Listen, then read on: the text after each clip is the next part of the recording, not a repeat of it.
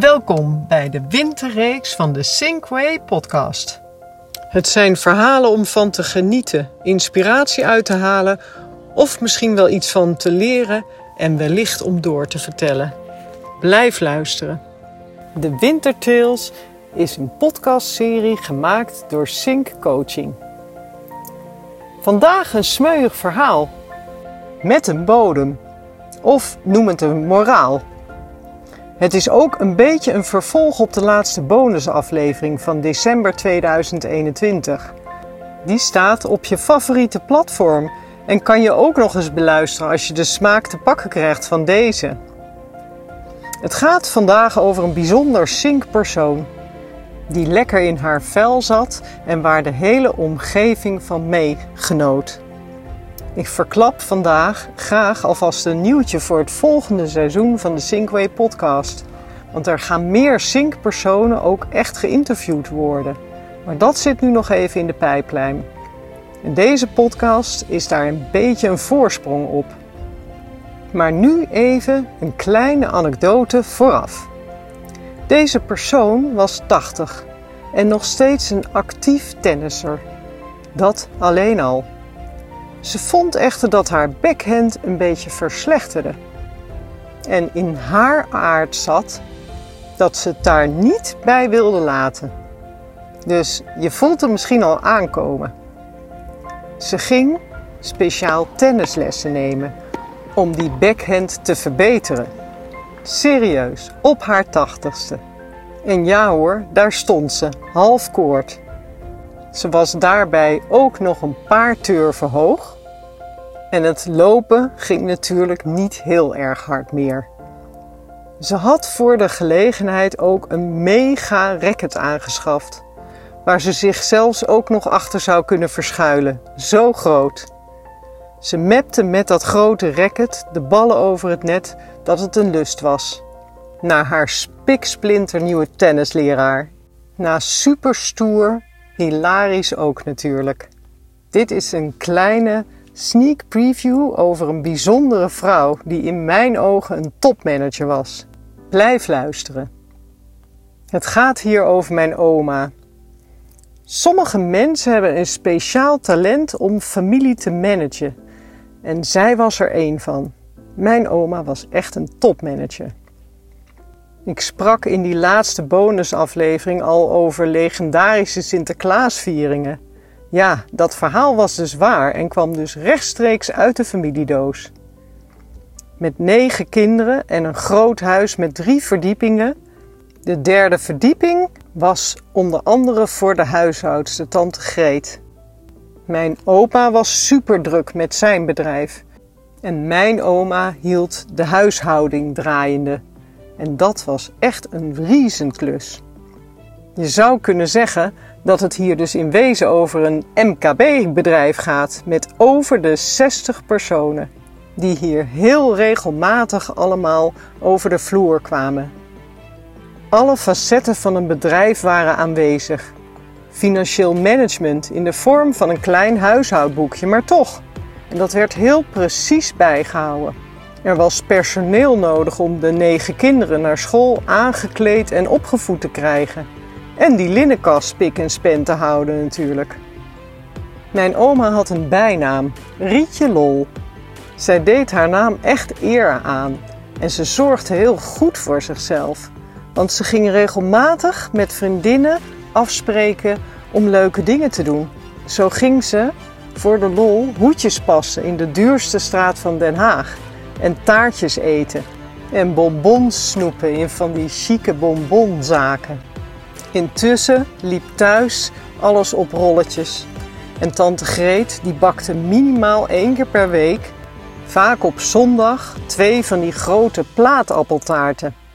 Daar geurde het hele huis naar. Mijn zus en ik hadden dan mazzel, want wij kwamen vaak op zondag op bezoek.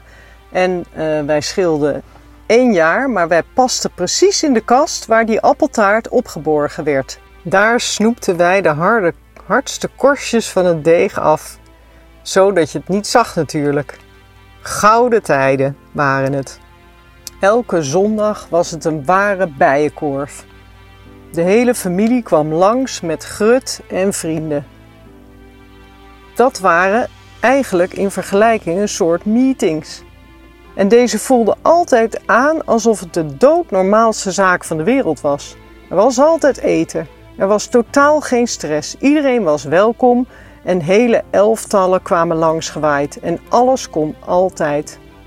Later heb ik me gerealiseerd dat dit een enorme planning gevraagd heeft qua boodschappen en verdere logistieke organisatie. Soms gingen we zelfs met de hele familie bij Jan de Bak eten. Voor de kids was er een aparte tafel. Stel je eens voor, alle nichten en neven aan de kip met friet en zelfgemaakte mayonaise. Met zo'n heerlijke citroenachtige smaak. En zo'n fruitsalade met van die doorzichtige stukjes fruit en ijs toe, geloof ik. En na het eten natuurlijk rennen om het hotel heen. Genieten en rock solid herinneringen.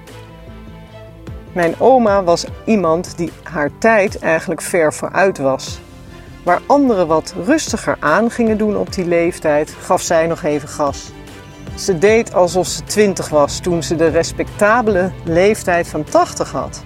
Ze was een topmanager omdat ze het heilige principe respecteerde: als je goed voor jezelf zorgt, kan je ook het beste geven. En je bent dan tegelijkertijd het lichtend voorbeeld voor je omgeving. Mijn oma was geen pamper. Ze was heel vriendelijk en lief en leefde vooral creatieve activiteit voor.